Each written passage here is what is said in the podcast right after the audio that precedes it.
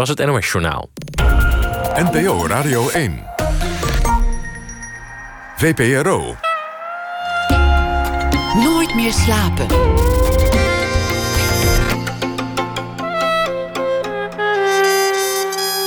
Met Pieter van der Wielen. Goedenacht en welkom bij Nooit meer slapen. Witte sokken kunnen best. In tegenstelling tot wat mensen altijd zeggen. Maar cowboylaarzen, nee, doe dat dan maar weer niet. Lederhozen ook liever niet, maar een korte broek. Als de temperatuur ernaar is, dat kan best. Zo'n driekwart geval daarentegen beter van niet. En zo kan ik nog de hele nacht doorgaan. Arno Kantelberg is namelijk hier nooit moe... de Nederlandse man van wat steladvies te voorzien. En laten we het gewoon onder ogen zien. De Nederlandse man kan ook wel wat steladvies gebruiken. En wie geeft het je nog, dat steladvies? De Nederlandse man is dolende. En niet alleen waar het gaat over de kleding. Man op zijn allerbest heet de nieuwe editie van de garderobe Bijbel van de Stelpastoor des Vaderlands. En in deze nieuwe editie ook thuiswerkkleding. Bijvoorbeeld een satijnen kamerjas. En dat is handig, want we gaan voor de 870ste keer een lockdown in. Om het virus maar weer eens, eh, wat zal het zijn, een korte harde klap te geven of zoiets. Genderfluïde steladviezen staan er nu ook in. Dat is nieuw in deze editie. Arno Kantelberg. Hij heeft al eh, sinds jaren en dag een populaire kledingrubriek in Volkskrant Magazine. Is vaste deskundige bij RTL Boulevard en in andere programma's. Werd bekend als hoofdredacteur van Esquire. En in 2022 zal hij de mol zijn in het programma Wie is de Mol? Nou, wie is dat? Dat is hij dus, maar dat kost dan een paar afleveringen om erachter te komen. Zien we dan wel weer. Arno Kantelberg, geboren 1968. Welkom. Ja. Leuk dat je er bent. ja, vind ik leuk om te zijn, Pieter. Ja. Goeie van de mol. Ja, ja, ik denk wel dat jij de mol bent namelijk, maar dat mag je dan niet zeggen. Nee, dat mag ik zeker niet zeggen. Sterker, ik moet enorm op mijn woorden letten als um, um, uh, flap uit. Maar de, uh, dus die, die serie die heeft veel fans. Hè? Dat, wie is de mol? De Moloten genoemd.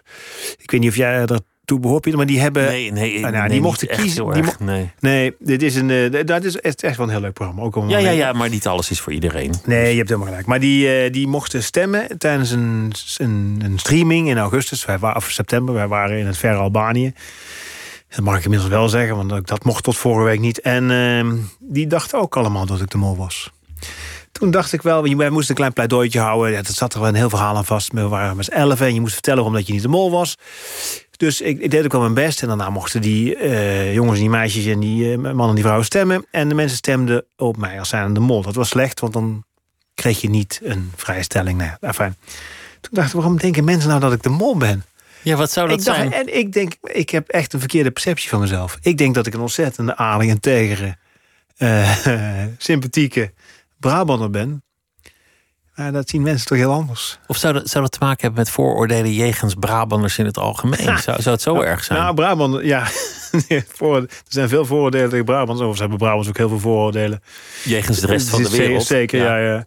Uh, ik weet het niet, maar het heeft me wel doen denken een beetje over, de, uh, over mijn eigen uitstraling.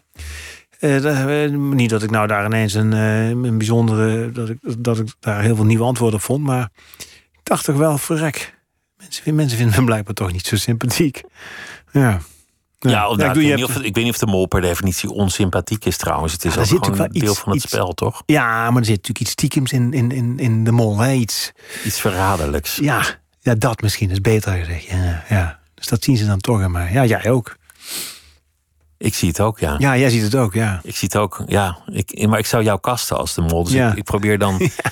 Maar goed, nee, ja, ik, ik wens je heel veel succes met, met, het, uh, met het, het, programma. Het was, het was echt heel leuk. Die mensen moeten altijd zoveel. Hè? Dan hebben ze ineens een enorme haast. En dan moeten ze rennen. En dan is daar maar een opdracht. En dan hebben ze weer leukste, haast. En dan, het allerleukste. En ik, ik, ik denk zelf altijd van... God, waarom, waarom moet ik eigenlijk altijd zoveel? Waarom is dat grote moeten in mijn leven begonnen? En die mensen oh. moeten nog meer. Ik, ik zou wel zo graag een keer iets niet willen moeten. Ja, dat ben ik wel heel met je eens. Maar dit zijn spelletjes die je speelt in principe. Ja, dus dat kan je gewoon ook niet doen.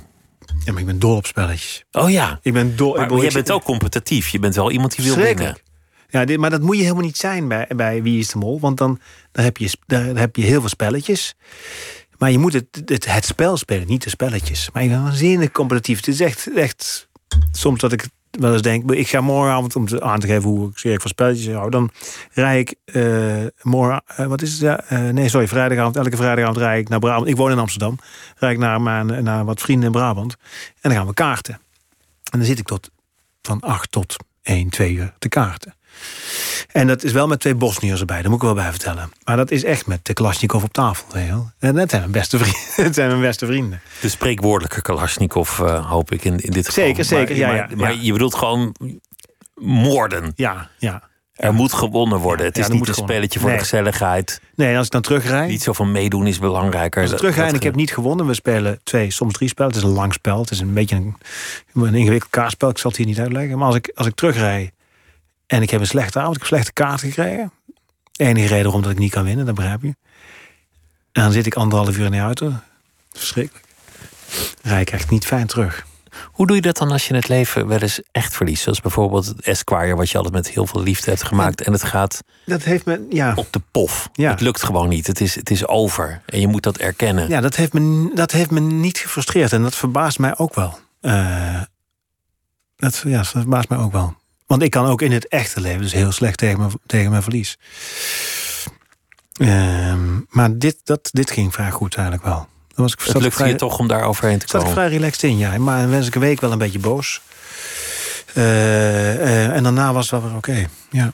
En dacht je nou, ja, oké, okay, en door. Volgende... Ja, was, dat was, ik kon er ook niks van doen. Ik kon er ook niks aan doen. Mijn hemel, je hebt echt, je hebt echt nagellak op. Hoezo echt? Nou, ja.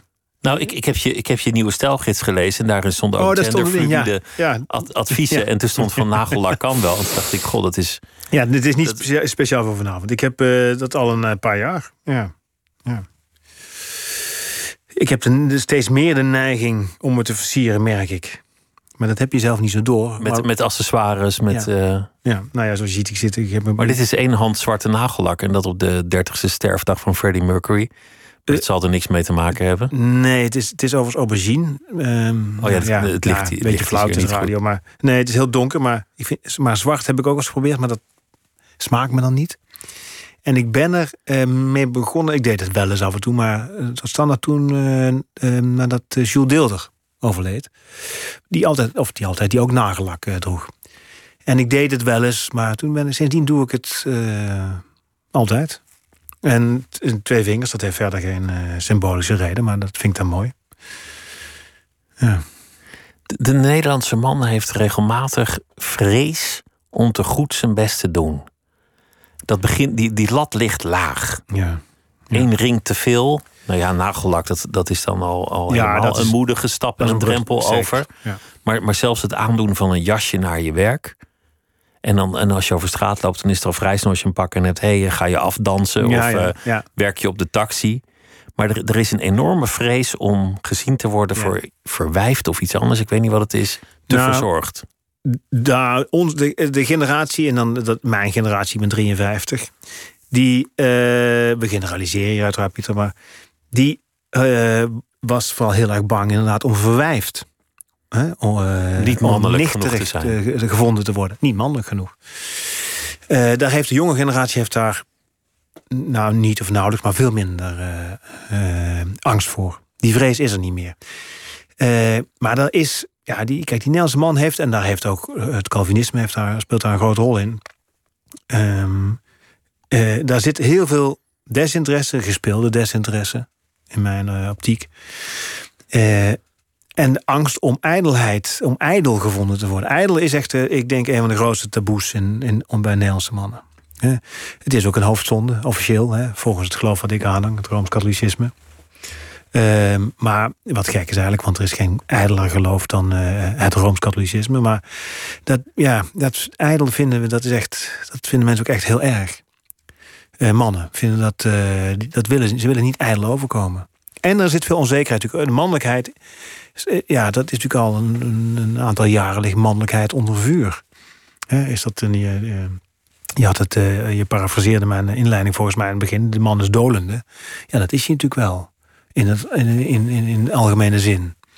En daar hebben we zitten twee of drie, we zitten nu denk ik in de derde feministische golf, die hebben daar eh, ja, eh, behoorlijk aan die sokkel eh, zitten beuken. De man moet veranderen, die staat onder druk. Die Ja. krijgt veel verwijten.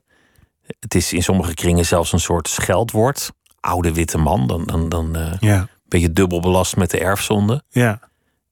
En die man moet zich aanpassen en dat lukt vaak net niet of vindt niet helemaal de draai. Je zou best kunnen zeggen dat het een, een crisis voor de man is op dit moment. Is het, ja, dat is het zeker. Ik, dat, het, het, nieuwe, het toxisch is het, het is het nieuwe modewoord. Hè?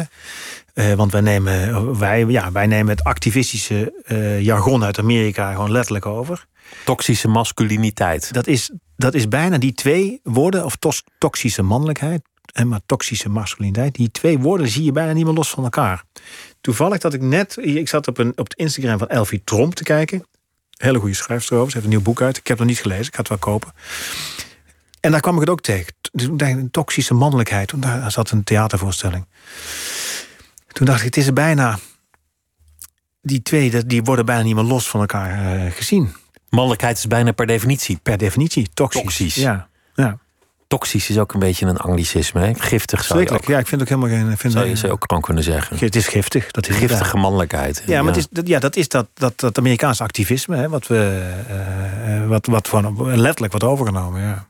Maar dat is zo. Ja, de mannelijkheid wordt per definitie, per definitie automatisch vaak als toxisch gezien. Ja, Als iets wat slecht is.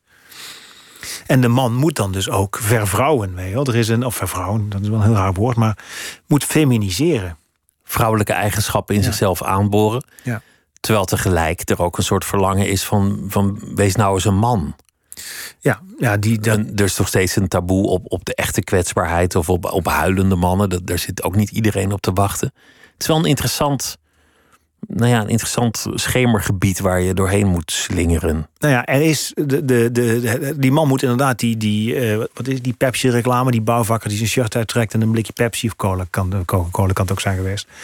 Hij moet dat zijn, hè? dat moet hij zijn. En tegelijkertijd moet hij inderdaad dus die vrouwelijke eigenschappen, dat, maar dat gaat bijna niet samen, zeg maar. Of het gaat eigenlijk wel samen. Er zitten wel, er, er zijn eh, ook Nederlandse jongens, hè, zoals Jet Rebel, Tim Hofman, die daar Die Wel- op hakken durven lopen Ja. en make-up durven dragen. Ja, maar Tim Hofman die zit ook gewoon aan de, de dumbbells eh, te pushen. Of te, die, eh, die zit ook gewoon in de sportschool.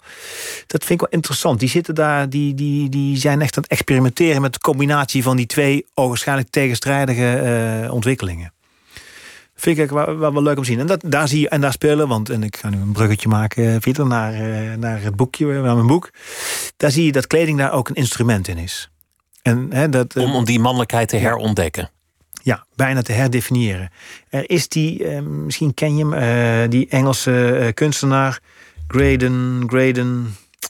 Hij kleedt zich altijd in vrouwenkleding, make-up. Graydon, oh, hij stond laatst ook in de Volkskrant. Hij zit, ik zie hem heel vaak op de BBC.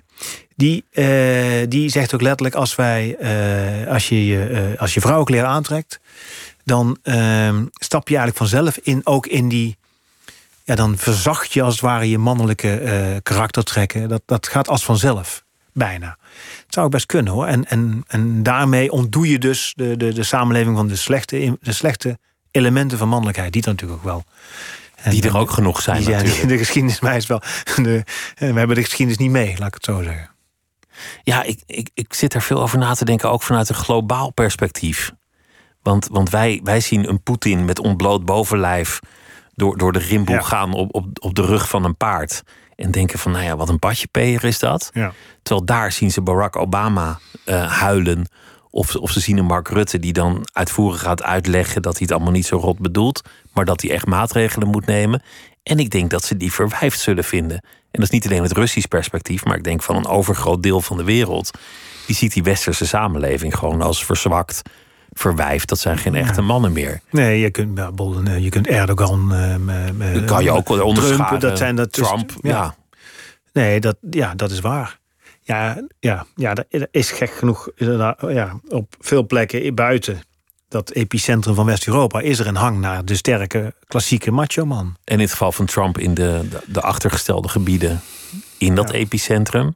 Dus dit, dit is wel een soort, soort onweer dat, dat gaande is. Ja, ja, ja, ja. Of dat. Ja, het lijkt. eh, die, die, kijk, ja, die, die, die feminisering waar wij nu de man toe oproepen, waar, hè, waar in, eh, in Nederland of West-Europa. Ja, ik denk dat je daar in, eh, in, in Rusland, nou ja, maar goed, in India, China. De meeste landen van de ik denk wereld. dat je daar Latijns-Amerika. Ja, Midden-Oosten hoef ik niet eens over te beginnen natuurlijk. Daar, daar, daar vind je weinig. dat wil niet zeggen dat het dus... hè, Er is altijd een avant-garde nodig. Er is altijd een, een voorhoederstrijd nodig. Hè. Er is een kick-out Zwarte Piet nodig om, eh, eh, om uiteindelijk tot een, eh, een, een roetvechtpiet te komen. Ehm, ja, en misschien moeten wij dat zijn. Misschien moet die voorhoede er zijn. Maar, maar in, in die wereld van de mannenbladen, er zijn er steeds minder. Ja. Je hebt de leiding gehad over een aantal van die Ja. bladen. Ja, daar gaat het toch altijd over. één, hoe kweek ik sixpack? Ja.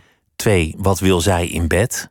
En vaak toch ook een soort artikelen die, die dan moeten appelleren aan een mannelijk gevoel. Maar dan gaat het wel weer over dikke lul zes bier.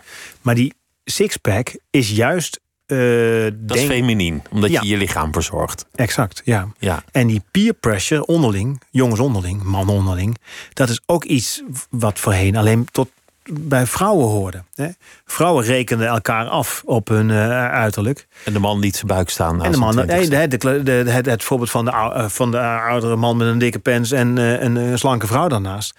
Nu worden mannen rekenen elkaar af. onbewust, denk ik. Je, je ziet ook die sportscholen die als paddenstoel uit, uit de grond. Daar staan allemaal jongens en mannen te trainen. Veel minder eh, meisjes en vrouwen, die trainen ook wel. Ehm, eh, alle voetballers eh, hebben tegenwoordig letterlijk echt een wasbordje. Wim van Hanegem had echt geen wasbordje hoor. Mijn zoons, die, ja, die zijn inmiddels al ietsje ouder, maar die, had- tijdens een puberleeftijd hadden die ook gewoon een wasbordje. Ik had geen wasbordje tijdens, toen ik 15 was. Ik was ook niet dik, maar dus er, Dat hele afgetrainde bestond toen nog niet zo. dat- nee, en dat die, maar er is daar wel degelijk een druk onderling, onder mannen, jongens, mannen, eh, om er ook fysiek goed uit te zien. Eh, En dat, eh, kijk naar het aantal jongens dat haar laat implanteren, het aantal mannen dat haar laat implanteren.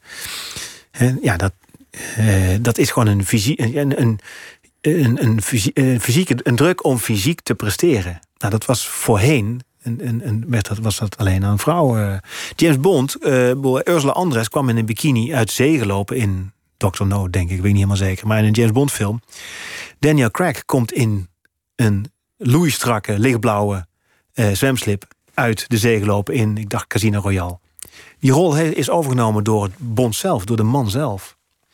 De James Bond van nu, Daniel Craig, die, dat is een ongelooflijk afgetrainde man. Roger Moore liep in eind jaren 70 was het volgens mij, ja, eind jaren 70. Die liep gewoon met van die mannentietjes, weet dat was en een, een, een, een klein buikje, klein Dat was, pensje. dat was een wat oudere man. Maar die was eigenlijk ook iets te oud geworden om die rol met verven te Ja. kunnen spelen. Hij had geen sixpack. Maar er was Hij sloeg wel iedereen neer. Hij was wel, dat lukte hem wel. hoor, hè. Hij was wel eh, sterk, zogenaamd. Maar, Maar- hij had niet die fysiek. Het is wel een mooi voorbeeld, want er was wat kritiek op die laatste Bondfilm. Naar mijn persoonlijke mening niet terecht.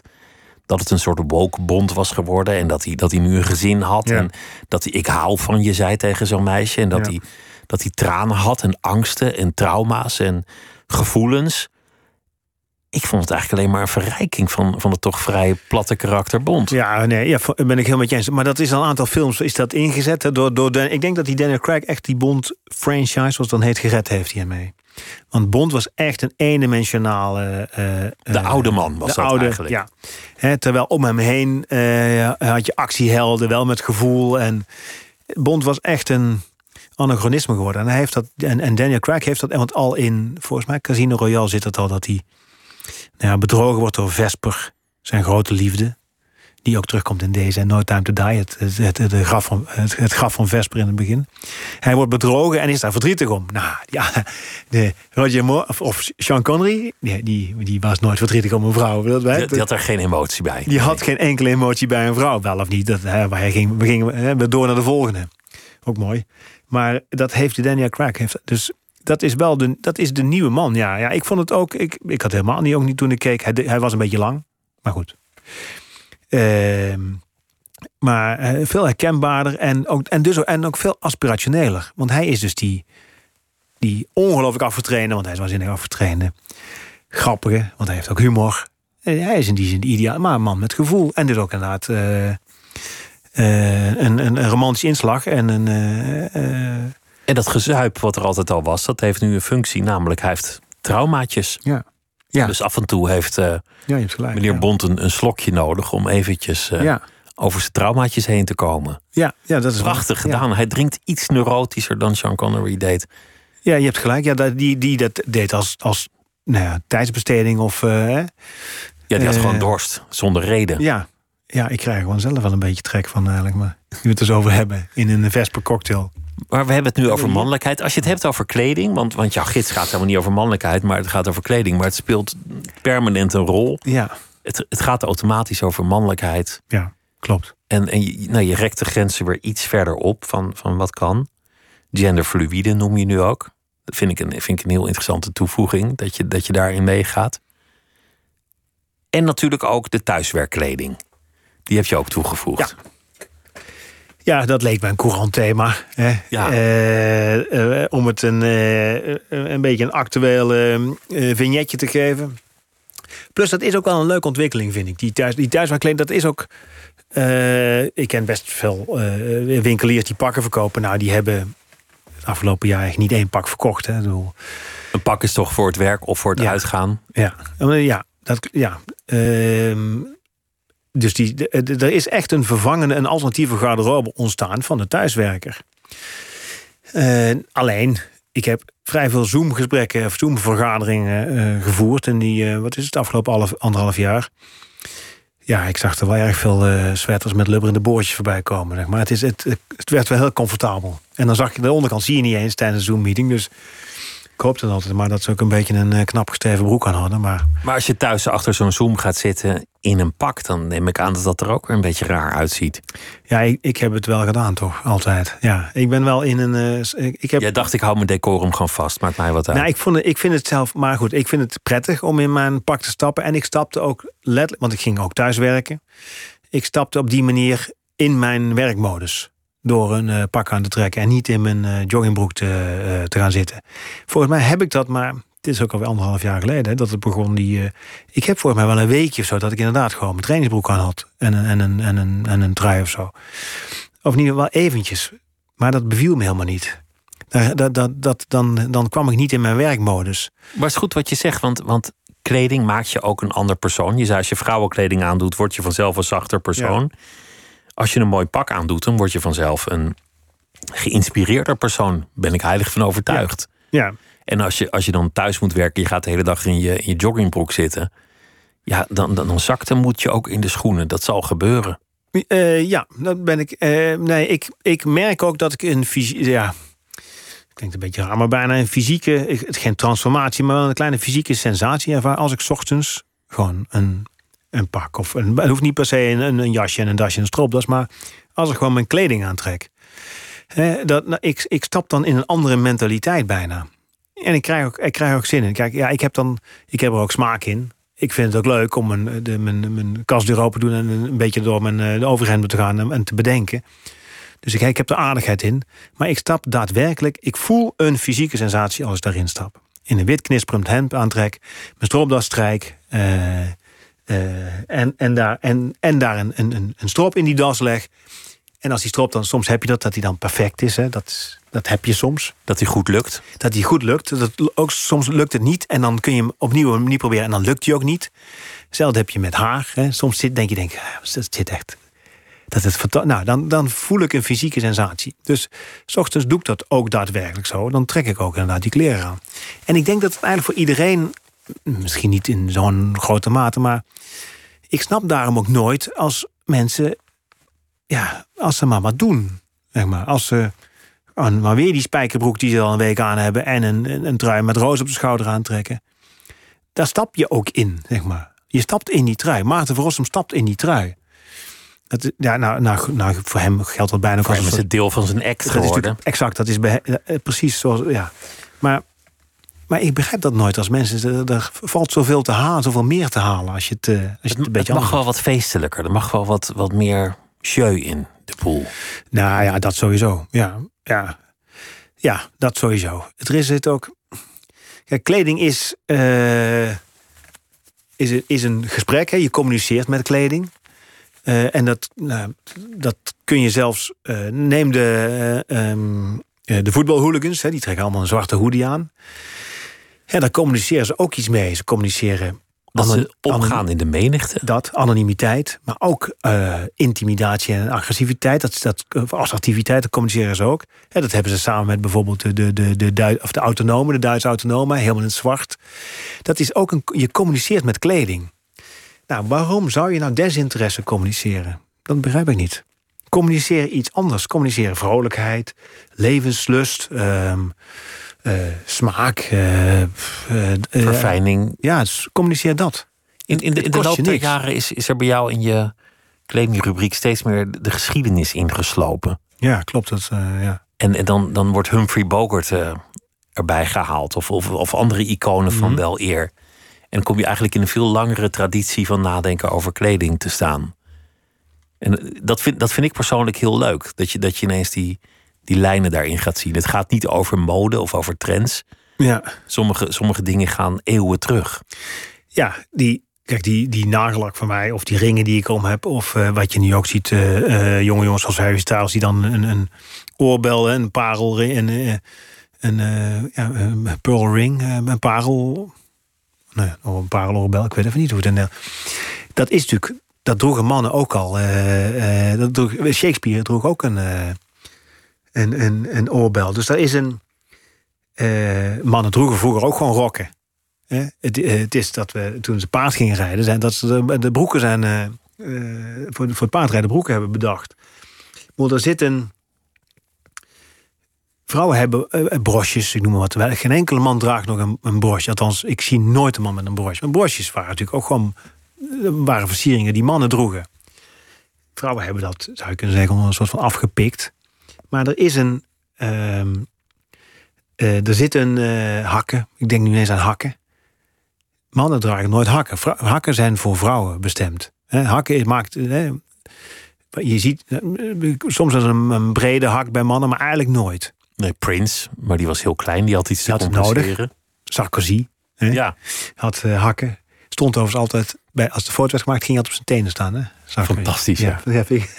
Je en die, die Carla Bruni is best lang. Dat, dat komt Ja. er nog eens bij. Ja, ding, overigens, eh, dat, dat eh, zag ik laatst weer. Eh, even een, een zijspoor, maar eh, prinses Diana, die bij haar huwelijk kleine hakjes liet maken voor haar schoen, omdat ze anders groter zou zijn dan prins Charles, die niet zo groot is. Hij is een kleine man, Charles. 3 is 1,73 meter, geloof ik of zo. En dat, neemt me dan zo in voor die vrouw. Ik heb helemaal niks met die Diana, maar denk, en dat vind ik dan toch vind ik charmant. Dat ze zich kleiner maakt. Ja, dat had Eh, ze ja. achteraf gezien natuurlijk niet moeten doen. Had ze niet moeten doen, nee. En, maar je zag die hakjes toch niet. Hoe heet nou die hakken, die schoenenmaker? Nou, ik weet even niet meer. In, onder die enorme jurk van die veel te groot was voor de koets... waardoor eh, de sleep in, eh, tussen de spaken kwam. Maar, maar dan, dan vind ik dan... Ja, dat, toen dacht ik, dat vind ik nou echt heel... Dat is lief van zo'n vrouw, dat ze dat doet. Want je wil als man niet kleiner zijn dan een vrouw. Kun je, kunnen we heel feminien... eh, Ja, misschien is dat ook weer eh, toxisch van ons dat we dat vinden. Ja, maar vrouwen vinden dat zelf ook niet fijn. En er zit een, denk ik, ja, misschien moet ik ophouden wat ik zeg, maar die, dat denk ik dan. Ik rij als mijn vrouw en ik, dit, is, dit, we gaan nu een andere kant op, maar, maar ik rij altijd als, ik, als wij in de auto zitten. Mijn vrouw vindt het gek als, als, als, als zij moet rijden. Ja, dat is echt heel ontzettend ouderwets natuurlijk, maar dat ik achter stuur en mijn vrouw op de passagiersstoel. Dat is het idee. Als we fietsen, fietsen altijd aan de binnenkant, ik aan de buitenkant. Zie je heel veel van die toxische mannelijkheid, die komt gewoon bij de vrouwen vandaan. En laten, laten we het daar eens over hebben. Dat, dat feminisme is stuk gelopen op de vrouwen, niet Ja. op de mannen. Ja, zo is dat. Ja. Eh, maar die, die geschiedenis, ja, dat, is, dat vind ik dan interessant. Ehm, eh, om inderdaad een beetje ergens een lijn in te vinden. Ja. En dan Lodewijk de 16 er, erbij te halen. Ja. Of, of, eh, of dat soort dingen. Ja. Er, er zat een, sat, een satijnen kamerjas, adviseer. Die ga ik Ja. kopen. Voor als het weer, als het weer eh, zoomen wordt deze winter... dan zie je mij in een satijnen kamerjas. ja, ik wil hem laten maken. Moet even sparen, want dat is duur. Maar, eh, want ik heb hem niet. Ik, ik heb een kamerjas, maar niet in satijnen. Dus ik wil inderdaad ook satijnen en van binnen ook een beetje laten voeren. Heerlijk. Ik heb wel nu... Kijk, daar kan ik dus echt ook naar... Dat, ja, dan als je in die jas stapt, s'avonds... dan, ja... Ik zou bijna zeggen, je doet je ogen dicht... dan zit je in een andere wereld op een bepaalde manier. Hè? En je hebt je glaasje erbij, hè? Je, ja, wat je dan ook drinkt, je whiskietje of wat dan ook. Zul je eigenlijk nog een pijp moeten roken? Nou, dat, ik wil dus altijd een pijp gaan roken. Dat, ik roep dat ook al, ik denk al zolang als mevrouw kent, 25 jaar, zegt, dan zegt hij mevrouw, ik, ik, ik ga later een pijp roken, dan weet je dat vast. Dat vind ik ook echt een, uh, ja, dat, zie dat ga ik ook echt doen. Dat, vind, dat, dat past er ook een beetje bij. Hè? Een beetje met zo'n pijp dan zitten. Plus goede van de pijpen, het ruikt lekker. Hè? Sigaren stinken natuurlijk, maar pijpen ruiken, uh, pijpen ruiken lekker. Ja, dat kan wel lekker ruiken, als het niet te zoet wordt. Ja, mijn opa rookt, rookt ook uh, pijp. Man met bretels. Ik ook zoiets. Bretels. Ik snap niet dat mannen geen bretels dragen, maar altijd maar die riem omdoen. Een riem is dodelijk voor je silhouet. Het zit niet lekker als je gaat zitten. Zeker uh, nu met het thuiswerk. Je zit de hele tijd. Zo'n riem snijdt je middel helemaal door. Bretels die bewegen gewoon vrolijk mee. Die trekken je broek omhoog, omlaag. Die doen precies wat ze moeten doen. Mijn opa droeg altijd bretels. Had ook wel een buik, had het ook wel nodig hoor. Maar goed, die generatie. Mijn opa is van. Had hij ook een pet? Ik krijg een beeld. Had je opa een platte pet? Volgens, ik herinner me, nee, nee, ik herinner me hem niet met een pet, maar ook niet met een hoed. En dat verbaast me wel, want die generatie, mijn opa is van 1898. Ik heb uh, oude uh, grootouders, of grootouders, die is van de generatie die een, een, een hoede, hè, hoede, die niemand draagt meer een hoed. Dat vind ik ook zo onbegrijpelijk. Ja, er zijn wel mensen met een hoed, maar terwijl de, het Nederlands klimaat vraagt gewoon om een hoed. Het mot regent, of het regent hard, of het sneeuwt. Het waait wel vaak, dat is voor hoedendragers dat is het een enige, Dat is lastig, ja. Maar ik heb toch, ik draag vaak hoeden, ook en ik fiets altijd. Hij is nog nooit afgewaaid. Gewoon een goede hoed. Voor, voor wie het inschakelt, Arno Kantelberg die is hier vanwege de nieuwe editie van Man op zijn allerbest. Je hebt, je hebt zelfs gezegd dat eigenlijk in de omgeving waar jij vandaan komt, het meest gedragen kostuum gewoon wel een trainingspak zou moeten zijn. Heb je dat gezegd, Pieter? Ja. Waar ik vandaan kom? Uit, uit het Brabantse dorp waar ik vandaan kom? Ja, en jouw familie, jouw, jouw gezin. ik kom uit een bijstandsgezin, ja. Um, maar trainingspakken zijn wel van later. Maar bij mij in, in het dorp was kleding niet echt een thema, zeg maar. Nee. En je, bent, je bent opgevoed voornamelijk door je moeder, want je vader is heel jong Jong overleden. Op, op, mijn derde is mijn vader overleden, hersentumor. En uh, in het dorpje Gemert, hartstikke leuk dorp overigens. Uh, en toen heeft mijn moeder mij en mijn broer, ik heb een oudere broer, anderhalf, nee, tweeënhalf jaar ouder. Uh, die heeft ons opgevoed. En vrouwen werkten toen niet. Dit is, ik ben van 68. Dus mijn moeder werkte. Dus jouw moeder kreeg een uitkering en daar moest ze Bijstandsuitkering. En ze poetste bij, bij mensen thuis. Bij de eigenaar van een, van een snackbar waren heel onaardige mensen overigens. Dat is weer een ander verhaal. Nou, dat, dat is wel een belangrijk verhaal dat ze onaardig waren. Want misschien had dat wel te maken met hiërarchie. Ja, want mensen zijn vaak heel onaardig tegen andere mensen die poetsen. Ja, dat, is, ben, dat is een heel ja. naar trekje, maar dat komt voor. Ja, ja ik, kan dat nooit, ik, weet, ik begrijp dat nooit. Dat mensen onaardig doen tegen... Neerkijken op een ander. Nou, met, met name dus naar beneden schoppen en naar boven. Ik, dat begrijp ik eigenlijk echt nooit. Nee. Uh, hoe zit dat bij jou? Staat voor, staat voor jou iedereen op gelijke hoogte? De nee, koning of, of, of de schoonmaker? Nee, ik ben juist andersom, zeg maar, dat ik uh, op een. Niet meer zo heel erg, maar ik had heel erg dat ik uh, altijd moest bijten naar de baas. Dus, dus echt in, uh, in de contramine. Um, maar dat, dat, heb ik, dat is inmiddels wel wat minder, want het werd ook een beetje een, nou, niet een kunstje, maar een nou, dan is er maar één oplossing: zelf de baas worden. Ja. anders, anders wordt het niks. Ja, ja, ja. ja ik, ik, ik, ik gedij ook niet zo goed in um... structuren en hiërarchie. Maar hoe, hoe wordt, een, hoe wordt een, een, een kind van een bijstandsmoeder ja, ik wil je niet echt een kakker noemen, maar het is natuurlijk iets waar je niet in kan komen als je geen budget hebt om je te kleden. Ja, ja, en je hebt ook niemand om het vanaf te kijken. Je hebt geen voorbeelden. Hoe, hoe heb je dat eigenlijk geklaard? En, en hoe ben je op het idee gekomen? Dat, heb, nou, dat is, zoals vaak met zo'n dingen, is dat vrij toevallig gegaan. Uh, ik vind het wel jammer dat ik geen voorbeeld... Ik vind het zelfs jammer dat ik geen vader heb gehad... en dat ik dus ook op dat terrein... De kleding, hè, bedoel ik dan ook. Uh, wel, en hebben we nog niet eens over mannelijkheid, maar. Nee, exact. Nee, ik, mis, ik had natuurlijk heel graag een gehad om, om 101 reden, maar ook hierom. Ik heb een, een, een jas van, van, van Ierse Tweed gekocht uh, bij, in een winkel in Londen. Uh, ik heb hem nu, ja, nee, ik ben met de auto. Ik heb hem nu niet aan, anders had ik hem je laten zien. Die heb ik alleen maar gekocht, omdat die lijkt op een jas die mijn vader had, die, die ik ken van de foto van hem. Hij heeft, maar het is een zwart-wit foto. En het is, sorry, het is een, um, ik kan niet die cola moeten drinken. Het is een, uh, ja, een beetje een pikkeltjesjas, spikkeltjesjas. Hè. Eh, en ik heb zo'nzelfde jas, dezelfde vorm ook. Die zag ik hangen bij John Simmons in Londen. Heel leuke winkel, mooie uh, spullen. En die heb ik gekocht alleen om die reden. Omdat mijn vader die ook had. Het is, een, het is, ook, het is een mooie jas. Ik had hem sowieso al gekocht.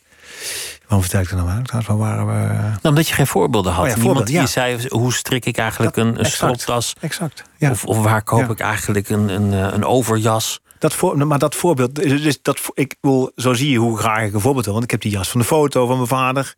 Eh, want ik heb mijn vader natuurlijk nooit ja, niet gekend, want ik was drie toen hij overleed. Maar je, hebt het allemaal zelf gedaan. Hoe, hoe kwam je op het idee om je ineens te gaan kleden? Hoe oud was je toen? Nou, ik was zelfs toen ik thuis woonde, of toen ik in Gemert woonde, had ik daar wel interesse in. Eh, mijn moeder die, die kocht de kleding op de markt, op de maandagmarkt. Eh, en die, ik, dat zal, ik zal zeven, acht, misschien negen zijn geweest. En die kwam terug met een blauwe trui, nog in het plastiekje. Eh, op, althans, ik kwam vanuit school. Zij had op de maandagmarkt een trui gekocht. Zoals het dan vroeger ging. Je had één jas voor de winter, één jas voor de zomer... en dan één paar schoenen, nou fijn, een trui. En het was een gewone blauwe trui. En ik was zagrijnig. Ik denk, ja... eh, want ik denk dat ik ook wel een beetje een, een, een af en toe vervelend jongetje was. Gewoon een blauwe trui. En, ik, en ze deed hem open en daar stond in eh, gekleurde letters, glimmend gekleurde letters... stond, stond verder niks bijzonders, stond reggae. En ik, het was de mooiste trui die ik ooit had gezien. En ik ging van eh, een boos jongetje, chagrijnig jongetje, omdat het een suffe trui was, werd ik ineens de, de, gelukkigste jongen van Gemert, want ik had ineens een mooie trui. Dus ik had, en dat herinner ik me nog goed, ik herinner me niet zo heel veel Je dacht, jij dacht van, wat een effect kan één kledingstuk Dat. eigenlijk hebben? Exact. Ja, dat, eh, dat besef had ik toen natuurlijk niet, maar dat, wa- eh, eh, later heb ik, ik moet vaker niet, of nee, nee, ik moet, niet overdrijven, maar ik moet wel eens aan die terugdenken. Dat kan het dus doen voor je. Dat deed het voor mij toen. Dus ik had daar toen wel al interesse in. En zeker toen ik 14, 15, 16, ik en mijn vriendjes, wij waren wel bezig met kleding. Maar goed, dat zijn denk ik wel de meeste puberjongens op die leeftijd zijn wel bezig met kleding. Bij mij is dat altijd gebleven. Plus ik heb een fascinatie voor subculturen, met name die Engelse subculturen, waarbij muziek en kleding hand in hand gaan. Dat had ik toen al mee. Ik vond die New Romantics van begin jaren 80 fantastisch. Hè? Duran Duran, eh, Spandau Ballet, althans die eerste twee albums, daarna niet meer. Eh, Visage, ehm, eh, daarvoor Ska. Vond ik, ik vond die muziek geweldig. Dus dat vond ik al. En da- daar hoorde een heel levensstijl, een hele kledingstijl En, bij. en dat waren in Engeland altijd arbeiderskinderen. In Nederland waren het altijd studenten of zo die, eh, die dit soort. In Engeland waren het altijd arbeiderskinderen. Hè? De Britpoppers, Oasis waren arbeiderskinderen, die van Blur dan maar niet. Maar Ska's, dat waren de working, eh, working class boys. Working class kids. Wat ik natuurlijk ook was, hè? bijstandsjongen. Dus daar had ik en heb ik nog altijd een fascinatie voor. En dus ik ging ook mee, ska. Ik was ska. Ik, eh, en ik, vond die, die kleding kon ik niet betalen. Die hadden pakken, stropdasjes, hoedjes. Maar ik had wel dan net, weet ik wel, twee buttons ergens kunnen kopen. En misschien ook een leren stropdasje ergens nog gevonden. En eh, haalde ik iets bij mijn moeder uit de kast. Dus ik was daar wel al mee bezig. Maar goed, uiteindelijk, ja, hoe het zo mijn winkeltje is geworden... dat is eigenlijk toevallig omdat ik hoofdredacteur werd van, werd van Esquire. En ja, dat, dat is journalistiek en, en lifestyle in één. En uh, hè, elk jaar kozen ze de best geklede man. Dat is een beetje zo gerold. Maar goed, er was, het zaadje was er wel. En dat is ook een leuke omgeving om dat in te doen. Ja. Ja. In, in het begin zag je er nog anders uit. Je had, je had iets van beharing op de kin. Ik weet niet wat dat precies was. Ja, weet ik een niet. bril droeg je nog. Ik heb, Je haar had, had nog een, een, een blonde kleur. ja, blond was ik. Ja. Ik, in, ja, ik, kijk, ik, was, ik ging om 21ste of 22ste werken bij HP De Tijd. Werd, ik- werd ik junior verslaggever. Degene die het minst oud, of die namen, er was niemand was daar jonger dan 4, 35. Dus ik heb tussen mijn 22ste en mijn 30ste, heb ik, ik wil natuurlijk bijhoren, heb ik me als een soort ouderlijke functionaris, ben ik me ouderlijk gaan kleden om maar bij, een beetje erbij te horen. Je paste je aan aan wat, wat daar de codes waren. Ja. Dus ik heb eigenlijk mijn 20 jaar gewoon een soort van overgeslagen. Dus als ik, ook als ik die foto's zie van dan terug, dan denk ik, oeh. Dat eh, dat is, want ik herinner me inderdaad dat baardje, dat zikje en een, die een donkere zwa- zwa- zwarte bril. Ja, ouderlijk. Ja. Het is wel jammer dat, dat het. Ja, oké, het is ook gewoon de realiteit. En we moeten mee met, met de tijd. En dat, dat kan allemaal wel. Maar, maar de wereld van het blad. Ja, ja. Dat, dat is jammer als dat er niet meer is. Zeker, ben ik, dat ben ik echt heel met je eens. En dan, dan denk ik Ja. vooral ook aan bladen van vroeger. Toen, toen het ook de glamour was. En journalisten die onbeperkte budgetten hadden. Ja. En dan heette zo'n blad Avenue. En die hadden de beste fotografen, Ja. de beste schrijvers en de beste vormgevers. Je kon gewoon drie weken naar LA voor een interview dat niet doorging. Heb ik allemaal niet meer mee mogen maken. Jij ook niet. Staartje. Ik heb een staartje meegemaakt. Ja, nee. Ik, maar ik zat bij, ja, bij, toen ik bij HP de Tijd werkte, al zat ik in die leggers, die oude Ha- Haagse posten te lezen. Waarin dan, eh, ik, ik had het er afgelopen maandag sprak ik Mart Smeets, de grote Mart Smeets, en al eh, wel letterlijk als figuurlijk. En die schreef vroeger ook voor de Haagse Post, schreef je columns over sport. Toen had ik het nog met hem hierover. Het was, het, wa- de, die jaren 70 waren het fantastisch als je voor die, in de jaren 70 voor Vrij Nederland of de Haagse Post werkte. Ah, wat een leven. Fantastisch. En iedereen, de lezer, rende op woensdag naar de kiosk Ja. om, om zijn blad te kopen. Ja, Dat, ja, dat waren ook bakens. Ja, ja dat is eh, verlegd. Hè. Die, eh, die, die eh, me- mensen eh, ha- halen het nu weer elders. Ja. Ja, dat is zoals het is, Pieter. Ik vind het ook jammer. En ik, de, de, de tactiele sensatie van gewoon een, een, een papieren tijdschrift. Met iemand op de cover, met een, met een, Ja. een, een, een mooie. Ja, mis Shoot. mis ik in, dat mis ik wel echt enorm. Ja, dat heb ik met Esquire lang vol weten te houden. Dat mis ik wel. Ja. Dat zou ik ook graag willen doen. Wat is eigenlijk jouw, jouw vak? Ja. Wa- Wat je dus nu niet op dat niveau kan uitoefenen. Het is waar Nee. je de meeste ervaring in hebt. Het Ja. maken van blaadjes. Tijdschriften, ja. Eh, ja, ja, weekbladen, maandbladen. Ja, dat is dat. Ja, en, en dat, daar is nu geen, eh, daar- geen employ voor. Dat is, dat, dat, die, die zijn er bijna niet meer. De Linda is er, maar op, op het mannelijk vlak is er niet zo heel veel. Nee. Nee, ja, ja, of het leidt een, een, een, een, een, ja, een, een, een wat marginaal bestaan. Hè.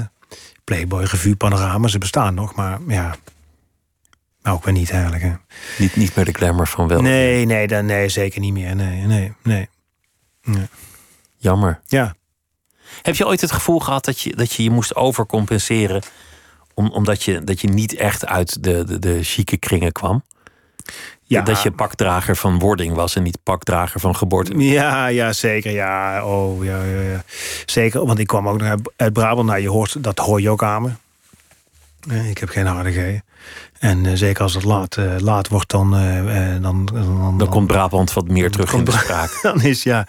En ik kwam naar Amsterdam en ja, dat was wel een andere wereld. Ja, ja, ik moest wel mijn best doen, ja. Om aan te klampen.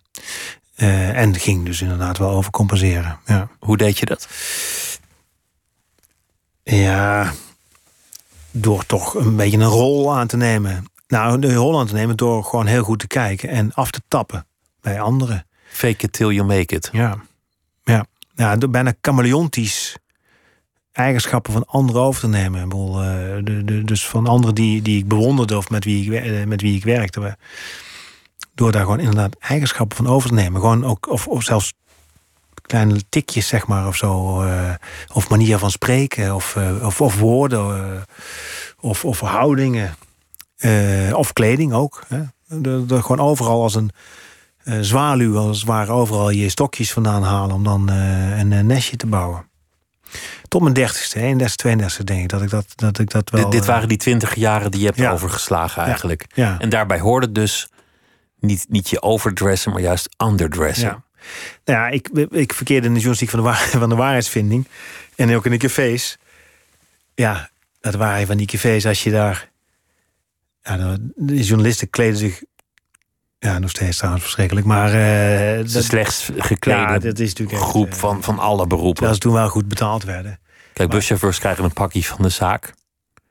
Ja, Dat zouden ze met journalisten eigenlijk ook gewoon maar moeten doen. Anders Dat- wordt het gewoon ja, niks. ja, ja. Dat ben dat Zet maar gewoon Arriva op die rug of zo, weet je wel. Ja. Ja, ik ben, ja, och, die journalistencafés. Ja, het was altijd een dolle boel en er werd natuurlijk echt enorm veel gedronken en gerookt. Trouwens ook op de redactie. Eh, maar die kleding, het was... eh, dus ik, in de jaren twintig, er zijn heel veel foto's eh, te vinden uit die tijd van mij... dat je denkt, is dit eh, nou de... En toen je, dertig, toen je dertigste was dat het moment dat je dacht... Ik, ik moet gewoon mezelf worden. Ik moet niet iemand anders worden. Ja, Wat- dat komt natuurlijk een beetje geleidelijk. Hè. Ik, wij- toen kreeg ik een, mijn zoon is toen nou, vlak voor mijn dertigste geboren. Ja, dat is een, een soort, zo, zo, is ook wel een soort waterscheiding. En toen ben ik wel een beetje in mezelf gegroeid. Of ja, dat klinkt raar, maar toen ben ik meer mezelf geworden. Ik vond ouder worden in die zin ook echt heel prettig. En hoezo was dat zo'n waterscheiding dat je vader werd? Eh, ja, weet ik nou. Toen veranderde ik van baan en eh, ik werd ergens, eh, bij- ik werd adjunct hoofdredacteur. Ik zat niet meer heel in die cafés, want ik zat thuis uh, met, met, met mijn kind, mijn vrouw en mijn kind. En, uh, en dan met, ja, met de tijd komt sowieso wat meer wijsheid. En nam mijn, kijk, ja, dit, dit, dit is natuurlijk allemaal zelfvertrouwen. Ja, als je 24, 25 bent en je moet je staande houden in, in zo'n. En bij HP, dat was HP de tijd, dat, dat waren, waren enorme kantoorguerrilla's ook altijd. En, en richtingen strijden en zo, dat was eigenlijk helemaal niet leuk. Maar ja, dan, dan, dan was ik allemaal wel vanaf. Als je 24 bent, ben je natuurlijk veel onzeker over. Nou, als je 2, 33 bent, dan. Denk ik, ik kan die mensen eigenlijk gewoon hebben. Ja, ja, dat. Of je denkt, het, het, het werkt gewoon beter als je gewoon jezelf bent. Het is heel prettig. Hè? Dat zelf, als je jezelf bent, hoef je nooit na te denken wat je, wat je moet zijn. Het is hetzelfde als je, als, je, als je niet liegt, hoef je ook nooit bang te zijn om je te verspreken. Um, ik lieg wel eens trouwens, maar... Um, We liegen allemaal wel eens, maar, maar je moet er ook niet een gewoonte van maken. Nee, maar ik ben wel al wel heel veel jaren gewoon mezelf. En Brabant speelt het nog een grote rol? Want je zei, ik ga af en toe terug ja. om te kaarten. Ja, ja, en, dat... en s'avonds komt, komt de zachte G wat meer terug. Ja, ja, ja die is er altijd. Maar uh, bij vermoei, uh, vermoeidheid of als er te veel drank in de man is, dan komt die heel erg terug. Ja, dat is ook wel een raar um, fenomeen. Maar goed, dat zie je natuurlijk wel vaker. Kijk, ik, ik, ik begrijp heel goed uh, die Marokkaanse voetballers die voor het Marokkaanse elftal voetballen. Ziyech, uh, Mazraoui, uh, niet. dat begrijp ik echt heel goed. Ik voel mij ook gewoon Brabander. En ik woon al poeh, 30 jaar in Amsterdam volgens mij. Mijn moeder is overigens Amsterdamse, die in Brabant terecht kwam. Dat is een lang verhaal. Um, maar ja, ik, ik, en, en het lijkt wel of ik me meer Brabander... Ik, ik ben voor PSV en... ik ga elke vrijdag kaarten met, met, uh, met mijn vrienden. Zijn, uh, ik heb in Amsterdam ook heel veel vrienden hoor. Maar ik ga toch terug om de kaarten met mijn Brabantse en Bosnische. Maar goed, het zijn ook Bosnische Brabanders. Vrienden. En dan... Ja, dan ga ik... Ga, het, het is echt... Uh, maar dan goed, dan ga ik straks worstenbroodjes eten. Het is... Het is dat, dat is trouwens een mooi gegeven, de Bosnische Brabander. Ja. Of de Brabantse Bosnier. Je kan natuurlijk meerdere identiteiten in één persoon verenigen. Snap nooit zo goed waarom mensen daar zo moeilijk over doen. Dat je niet een, nee. een Marokkaanse Nederlander kan zijn... of een Bosnische Brabander of een, uh, een, een Amsterdamse ja. Tilburger, weet ik veel. Het moet toch allemaal wel te combineren zijn? Nee, dat is natuurlijk... Kijk, soms word je gedwongen om te kiezen. Hè? Uh, maar je hoeft natuurlijk helemaal niet te kiezen. Je bent, nee, je bent, van, je bent een, een, een, en, en, het is natuurlijk een puzzel met vele stukjes. Um, ik voel me ook, dat is ook, hè, ik voel, mijn vrouw is Surinaams, hè, ik heb een Surinaamse vrouw. De, en ik voel me ook, uh, uh, ook een deel Surinamer, wat ook heel raar is, als je me zo ziet zitten. Maar dat, ja, dat, dat, hebben, dat voel ik wel. Je bent een beetje in die cultuur getrouwd. Ja, ja, ja enorm. Ja, vind ik ook heel leuk. Ja. ja. Daar, daar wordt bij Vlagen wel weer uitbundig gekleed trouwens. Nou, die, ja. Kijk, daar is die, die jongen, uh, als die, het, alsof de multiculturele samenleving gaat, dan gaat het overigens niet meer zo vaak over Surinamers, vaak over Marokkanen en Turken. Maar uh, daar wordt daar nooit een. Uh, en er zijn heel veel positieve en negatieve uh, dingen over te zeggen. Ja, ik zie daar een heel positief, positieve invloed van de multiculturele samenleving. Eerst door de uh, Surinamers en de Antillianen, iets mindere mate, in de jaren 70. Overigens ook de, de Indiërs en de Molukkers. En de laatste twintig jaar de Turken en de Marokkanen, met name de Marokkaanse jongens, die hebben een veel makkelijkere, veel laagdrempeligere manier van zich kleden. Die hebben niet die Calvinistische angst eh, om voor ijdel versleten te worden of voor nichterig, wat een grote angst was, is bij de Nederlandse man van mijn generatie. Dat hebben, er is een. Uh, mijn, uh, vroeger had je die uh, of ja, die heb je nog steeds, die tasjes, uh, schoudertasjes, kleine schoudertasjes. Mijn moeder had die een. En die noemde mijn moeder altijd flikkertasjes. Dat waren, die werden zo genoemd.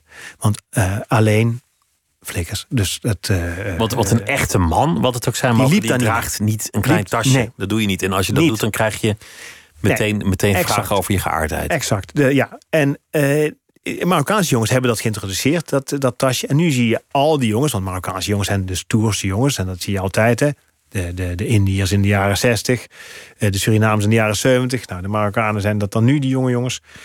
Uh, dus nu zie je allemaal jongens van, van allerlei pluimage met die tasjes rondlopen. En die hebben geen enkele angst dat dat Dat ze, dat, dat, dat ze voor, voor homofiel worden, worden gezien. Want ja, Omdat dat thema gewoon niet bespreekbaar is en dus non-existent. Dat het kennelijk zo is dat iedereen er wel vanuit moet gaan dat dat hoe dan ook niet aan de hand is. Nee, nee ga lopen op eh, zaterdag door de Amsterdamse Poort, wat ik wel eens doe in de Bijlmer. En dan zie je Surinaamse mannen met witte schoenen, uh, een, een, een zoom, een, een, mooie vouw in een broek gesteven. En die, die of gaan naar, naar Surinaamse feesten, of ga gewoon uit. Hè. Ga gewoon dansen een keer ergens. Dan, dan zie je het verschil tussen de Surinaamse man en de Nederlandse man. Nou, die invloed, die zie je bij de jonge generatie, waar dat, daar vlekt dat gewoon uit. Uh, dat wat dus een positieve invloed is van de multiculturele samenleving. Je, je, noemt het Calvinisme. En dat heeft er vast mee te maken. Maar waar jij vandaan komt, dat is nou net het, het katholieke landsdeel. Ja. En ik, geloof niet dat jij heel gelovig bent, maar je kan natuurlijk ook een cultuurkatholiek zijn. Ja, exact. Ja. En, en volgens mij ben jij wel een cultuurkatholiek. Ja. maar je ziet ook echt wel verschil tussen Groningen en Maastricht in uh, kleding. Zonder enige twijfel. Ja. En in, in veel andere dingen ook. En dat is natuurlijk, de, de, de, de, zeker de Rooms-Katholiek is natuurlijk veel exuberanter en veel expressiever. En uh, ook in het beleiden van het geloof. Maar in al, op alle mogelijke manieren. Uh, je carnaval is daar natuurlijk ook een uiting van. Dat is ook een heel kleurrijke uh, manier om je te uiten. Dus er zit de Italiaan, de, die waarschijnlijk het meest Rooms-Katholiek is van alle Europeanen ja, die kleedt zich ook expressiever en uh, theatraler. Dus daar zit, naarmate je afdaalt, qua, qua geloof, zeg maar, of geografisch, kom je, dan zie je daar de invloed van het katholicisme. In, in, in protestantse culturen wordt het gewantrouwd omdat ze de etalage wantrouwen. Omdat ze denken, ja, je hebt iets te verhullen, want je, je kleedt je etalage te mooi aan. Een winkel met een mooie etalage zal wel proberen te verhullen dat ze troep verkopen. Terwijl in katholieke landen de etalage gewoon bovenaan staat. Je laat eerst zien dat het goed met je gaat en dat je er goed uitziet. En daarna gaan we kijken hoe het echt met je gaat. Of misschien niet. Misschien is dat niet eens belangrijk. En daar is wel veel voor te zeggen. Als je de zin van het leven niet kan ontdekken en geen richting in je bestaan hebt, dan zal het toch helpen om te beginnen met de etalage. Klinkt oppervlakkig, maar dat is, dat is helemaal niet oppervlakkig. Zorg eerst maar dat het eruit ziet alsof het goed met je gaat dan ben je al een heel eind. Ja, ja je vat het. Uh... Ik denk dat dat, dat eigenlijk de, ja. de, katholieke filosofie is. Ja. Window dressing. Maar window dressing is gewoon al een begin. Ja, nou, ik, ja. Het is, het, is, uh, het is wat George Clooney, althans, ik, ik citeer hem: If you look like an asshole, you probably are one. Nou, dat kun je omdraaien. Als je er niet zo uitziet, dan ben je het waarschijnlijk ook niet. Weet je wel. Uh, de, en en de, ja, ja, die, die, maar goed, dan kom je op, en dat is, dan kom je op, op het terrein van de ijdelheid. De vanitas is het voor mij, vanitas? Ja, vanitas. Een, een, van de hoofdzonden. Een van de hoofdzonden. Ook in het katholicisme, dat vind ik altijd heel raar. Want ja, loopt een kathedraal, loopt de Sint-Jan binnen... en je ziet een en al ijdelheid en poetsen en, uh, en buitenkant en etalage. Maar ja, het is, als je het terugbrengt naar, gewoon, naar gewoon de dagelijkse... dan is het natuurlijk ook... Is, kleding is een etalage, maar ja, dan, dan begrijp ik ook niet waarom zou je dus die etalage niet, niet een beetje oppoetsen. Weet je, wel, je, je, je, je vrouw moet heel erg ook naar je kijken. Doe een beetje je best. Waarom zou je het ook niet doen, zeg maar? Wat, het, het kost niks. En als je niet gelukkig bent, begin met het imiteren van iemand die er gelukkig uitziet. Nou ja, ja, ja. En vanzelf zou je iets gelukkiger gaan voelen. Ja. Het klinkt heel oppervlakkig en het is het ook, maar het werkt. Ik ben ervan overtuigd. Ja. Ik heb het zelf, ik ervaar het zelf, dus ik, heb, ik ben het levende bewijs. Het is ook echt zo. Wat ik net zei, en knisperend wit overhemd. Heerlijk, dat voel, dat voel je al. Je voelt het als je die knoopjes dicht doet. Ja, ja, dat voelt al lekker. Zeker als het een beetje een mooie eh, stof is, hè? dat helpt wel. Als het een fijne stofje is. Uh, uh, niet alles bij die budgetketens kopen, maar... Hè, of, of ja, ja, wat ik net zei, ja, dat, als ik een. Ik heb nu geen stropdas om, maar. Als die strop er lekker in zit. Ja. Ja, het is niet dat ik. Ik krijg, ja, ik krijg geen kippenvel, maar. Het voelt wel gewoon lekker. De dag die gaat al meteen een goede kant op. Je, je schrijft ook dat het tegenwoordig voor Mietner kan. Ondanks dat je, dat je niet vies bent van Savile Row en, en ja. maatgemaakt en uh, bespoken kleding en, en hoe het allemaal ook heet. schrijf je van eigenlijk hoeft het allemaal niet meer zo duur te zijn om, om mooi voor de dag te komen. Nee, ik, kijk, die, dat, dat vind ik het, het goede van de, van de budgetcancers H&M en Zara. Hè, daar, daar valt ook wel wat te zeggen, de, de afdeling op die fast fashion. Maar die hebben mode gedemocratiseerd. Ik moest vroeger echt heel veel aardbeien plukken... om in Eindhoven bij uh, de Volks of in Nijmegen de Mac Maggie... een blouse te kunnen kopen. Daar moest ik echt uh, uh, veel bijbaantjes, uren voor maken. en ik moest een eind met de bus twee keer overstappen. Nou, nou, in ieder geval naar Eindhoven niet overstappen. Maar naar Nijmegen moest ik in Veghel overstappen met mijn strippenkaart. Dat was echt een hele investering in tijd en geld. Nu kun je met een druk op de knop, kun je bij H&M... kun je gewoon een outfit voor een paar tientjes... Uh, en zie je er gewoon up-to-date uit. Dat is echt de democratisering wat door die fast fashion is gekomen. Zit een nadel aan, weten wij uh, inmiddels ook. Misstand natuurlijk, het is allemaal waar. Ja, milieu. Uh, maar tegelijkertijd overigens is, is investeren in duurzame uh, uh, kleding... is gewoon investeren in gewoon goede schoenen... waar je twintig jaar mee doet. Hè? Als jij bij een, een noem een Nederlands merk als Greven... moccasins koopt, ja, die kosten 390 euro... maar daar doe je ook echt 30, 30 jaar mee. Zie je al verbetering? Want, want als het gaat over de kleding van de Nederlandse man... dan ja. begint iedereen eigenlijk altijd een beetje te huilen. Is, ja. is, het, is het eigenlijk wel beter aan het worden of is het nog steeds. Uh, ja, ik, het, het is in die zin vind ik het soms, soms lastig te beoordelen omdat ik in Amsterdam woon en Amsterdam is niet Nederland. Uh, maar zeker bij de generatie van mijn kinderen, hè, dus de, de twintigers, mijn zoons zijn 20 en 23 nu. Ja, daar, daar, daar denk ik het wel te zien. Ja. ja. Het, is, heeft ook, het is een gevolg van de welvaart. Ik bedoel, de, de man moest eerst moest hij gewoon geld verdienen om eten op tafel te kunnen zetten. Vervolgens geld verdienen om zijn kinderen het beter te kunnen laten krijgen. Nou, de man nu heeft dat allemaal. En heeft geld om dat te besteden aan luxe producten. Dan koopt hij altijd eerst een beetje een dure telefoon of een equalizer. Maar hij, hij, hij, kan het ook aan schoenen. Of, weet je, Hugo de Jonge koopt ook gewoon die uh, Mascalori schoenen, hè, die circusschoenen die hij draagt van Mascalori. Ja, daar heb ik een eigen mening over trouwens, maar goed. Ja, nee, het is een Rotterdams merk. Maar hij investeert er wel in. Hebben trouwens ook gewoon hele normale schoenen, goede schoenen, Mascalori. Maar weet je, dat, dat doet hij wel. Mark Rutte, zijn pakken, is Atolini, dat is echt Italiaans maatwerk.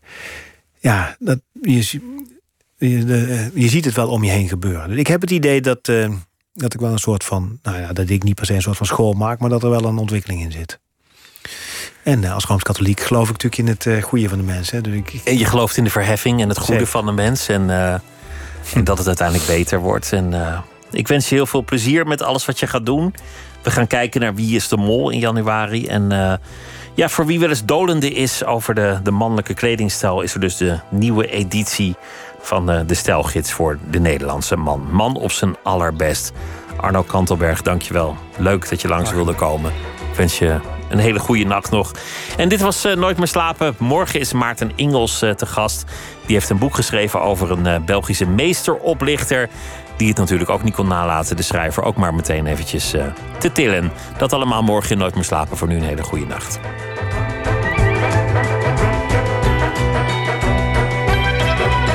NPO Radio 1. Wie luistert, weet meer. NPO Radio 1.